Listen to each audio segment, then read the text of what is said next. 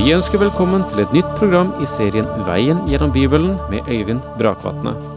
Denne studieserien er produsert av P7 Kristen Riksradio og bygger på serien Through the Bible av Vernon McGee. I dag fortsetter vi med Johannes' åpenbaring.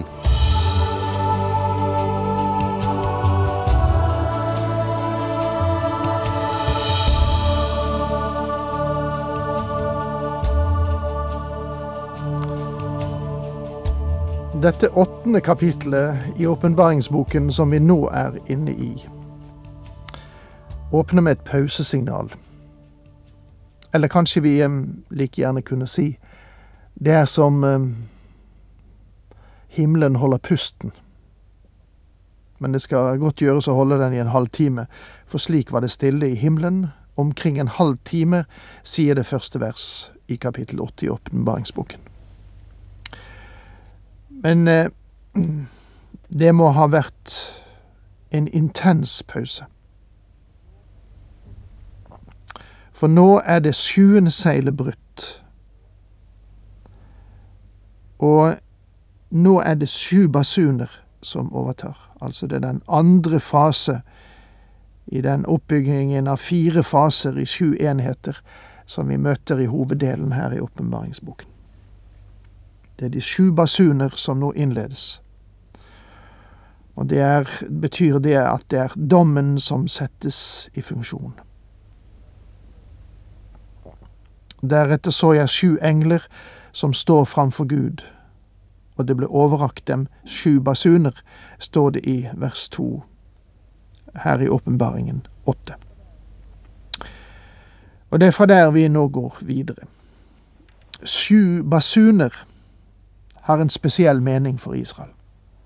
Og jeg vil ikke at vi skal gå glipp av dette. Jeg tror det er viktig. Og her er det av betydning at vi har kunnskap om Det gamle testamentet. I Fjerde Mosebok fikk Moses beskjed av Gud at han skulle lage to sølvtrompeter. To var vitnesbyrdets tall. Herren har sagt flere ganger at ved to vitners utsagn skal, skal en sak stå fast. Disse to trompetene ble brukt under vandringen i ørkenen på to måter. De ble brukt for å kalle folk til samling, og de ble brukt for å starte vandringen hver gang leiren brøt opp, for å gå videre. Lag deg to trompeter. Av hamret sølv skal du lage dem. Du skal bruke dem når du kaller folket sammen, og når leiren skal brytes, står det i Fjerde Mosebok kapittel 10 vers 2. Da Israel kom inn i landet, ble trompetene brukt i forbindelse med to andre forhold. Det leser vi i vers 9 og 10 i samme kapittel. Når dere drar i krig i deres eget land mot en fiende som går til angrep, skal dere blåse alarm på trompetene. Da vil Herren deres Gud komme dere i hus, og dere blir berget fra fiendene. Når dere har gledesdager, høytidsdager og nymånedager, skal dere blåse i trompetene, samtidig som dere bærer fram brennoffer og måltidsoffer. Det skal være en påminning om dere hos deres Gud. Jeg er Herren, deres Gud. En enkel trompet ble det blåst i når høvdingene skulle samles. Blåser de bare i den ene, skal høvdingene, førende for Israels fylkinger, samles hos deg. Denne enkle trompet er, etter min vurdering, det som korresponderer med den siste basun, som Paulus nevner i 1. Korintiabrevs 15. kapittel. Denne trompet ble brukt for å kalle sammen en bestemt gruppe i Israel. Og Paulus skriver, Se, jeg sier dere en hemmelighet, vi skal ikke alle dø, men vi skal alle forvandles, i ett nu, på et øyeblikk når det lyder støt i den siste basunen. For basunen skal lyde, de døde skal stå opp i uforgjengelighet, og vi skal bli forvandlet.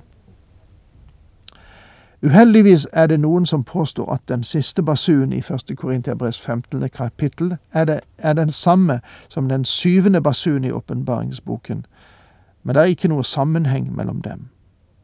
Hør på Paulus igjen. For når befalingen lyder, og det høres et rop fra overengelen og støt i Guds basun, da skal Herren selv stige ned fra himmelen, og de som døde i troen på Kristus skal først stå opp. Første Tessalonika-brev, kapittel 4, vers 16. Dette rop er den Herre Jesus stemme. Overengelens røst betyr at hans stemme er lik en overengels røst. Guds basun er fremdeles hans stemme. Hans stemme skal lyde som en basun eller en trompet. Og dette kan vi se av Åpenbaringen 1 vers 10, der Johannes sier at han hørte en røst med klang som en basun, og vendte seg om og så den herliggjorte Kristus. Den herliggjorte Kristus skal kalle sine egne frem fra jorden. Og når Paulus taler om den siste basunen, basunen skal lyde og de døde skal stå opp, mener han den Herre Jesu Kristi kall. Det er det siste kall han gir menigheten, og derfor blir den kalt den siste basunen. Men parallellen i Det gamle testamentet dreier seg om å kalle høvdingene frem fra Israel. En trompet lyder, og den har ingenting å gjøre med fremrykningen fra hele folkets side under ørkenvandringen.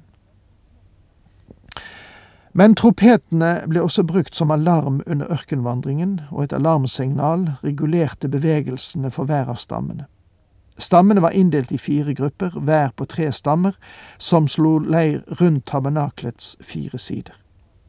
I tillegg var det tre atskilte familier i Levi-stamme som bar inventaret til tabernaklet. Korat, Gershon og Merari. Fire og tre utgjør syv. Det var syv støt i basunene som satte Israel i bevegelse. Når den første trompet lød, da ble arken båret frem, og det var korahittene som bar den. Deretter fulgte Judas stamme, sammen med to andre stammer under Juda banner, og slik fortsatte de inntil hele folket var på marsj. Hver mann kjente sin plass og sto på sin post. Alt var vel organisert i Israel leir. Og apostelen Paulus sier at alt skal gjøres i god orden i menigheten også, og jeg skulle ønske at menighetene var så ryddige som Israel var under sin ørkenvandring. Men legg her spesielt merke til at det trengtes syv trompeter for å sette hele folket i bevegelse. De syv trompetene i åpenbaringsboken vil på samme vis ha en positiv virkning på å bevege Israel inn i Palestina. Og jeg tror at disse syv trompetene, eller basunene, trengs for å få hele Israel tilbake til landet.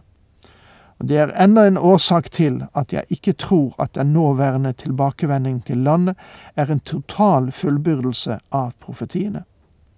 Men jeg tror at eh, den totale fullbyrdelse kommer under den store trengsel, når de syv basuner blåses, slik det skjedde under ørkenvandringen.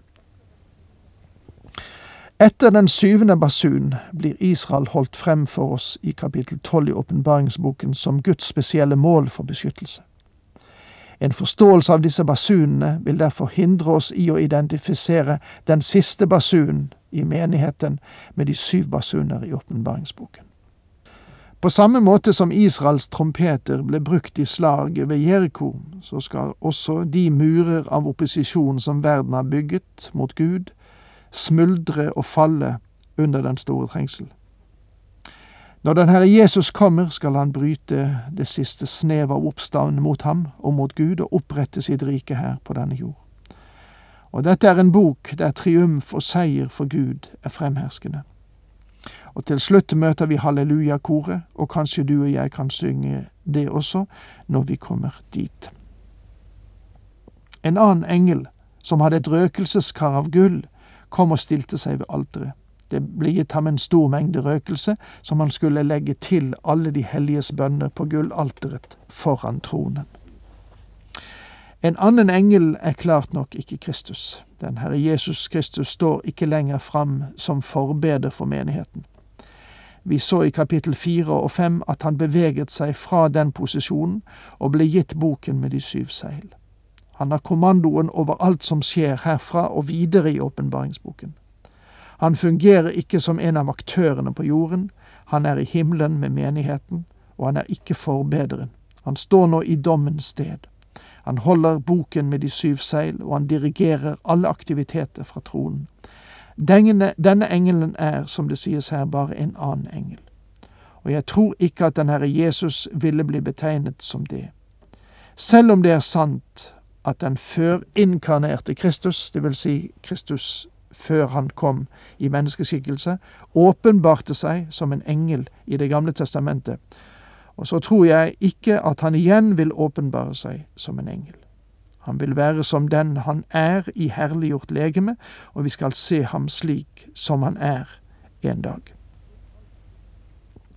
Gullalteret er det sted der bønnen ofres. Kristus står ikke på forbønnssted foran gullalteret, han sitter nå på tronen.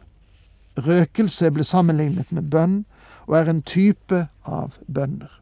David sa i Salme 141 vers 2, La min bønn få gjelde som røkelse for deg, mine løftede hender som offer om kvelden.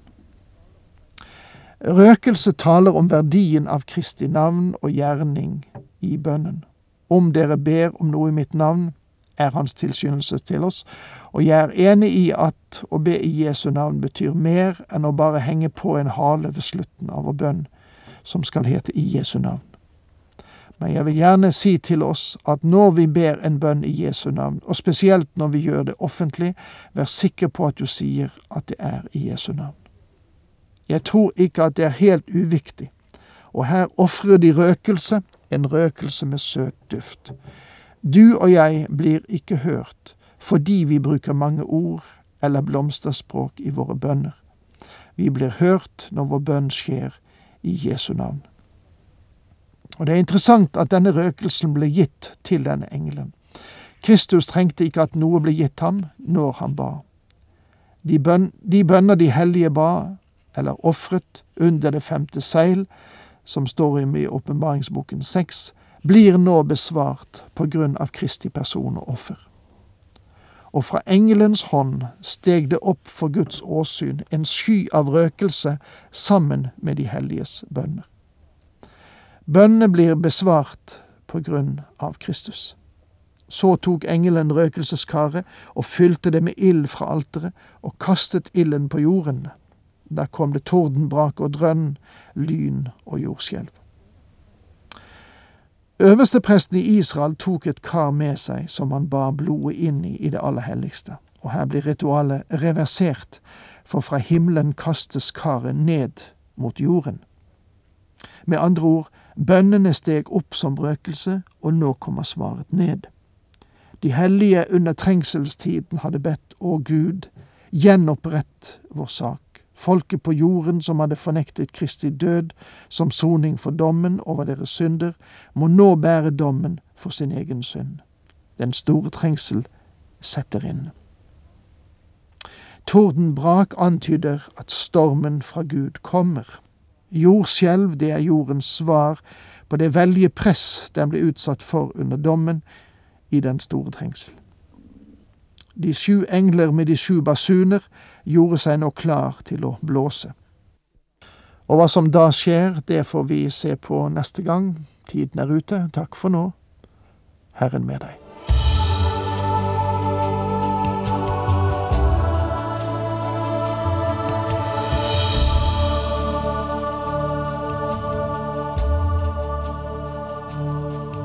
Du hørte Øyvind Brakvatne i studieserien Veien gjennom Bibelen. Serien bygger på et manus av Vern McGee. Har du spørsmål eller kommentarer til programmet, kan du sende en e-post til vgb krøllalfa p7.no. Takk for i dag, og på gjenhør.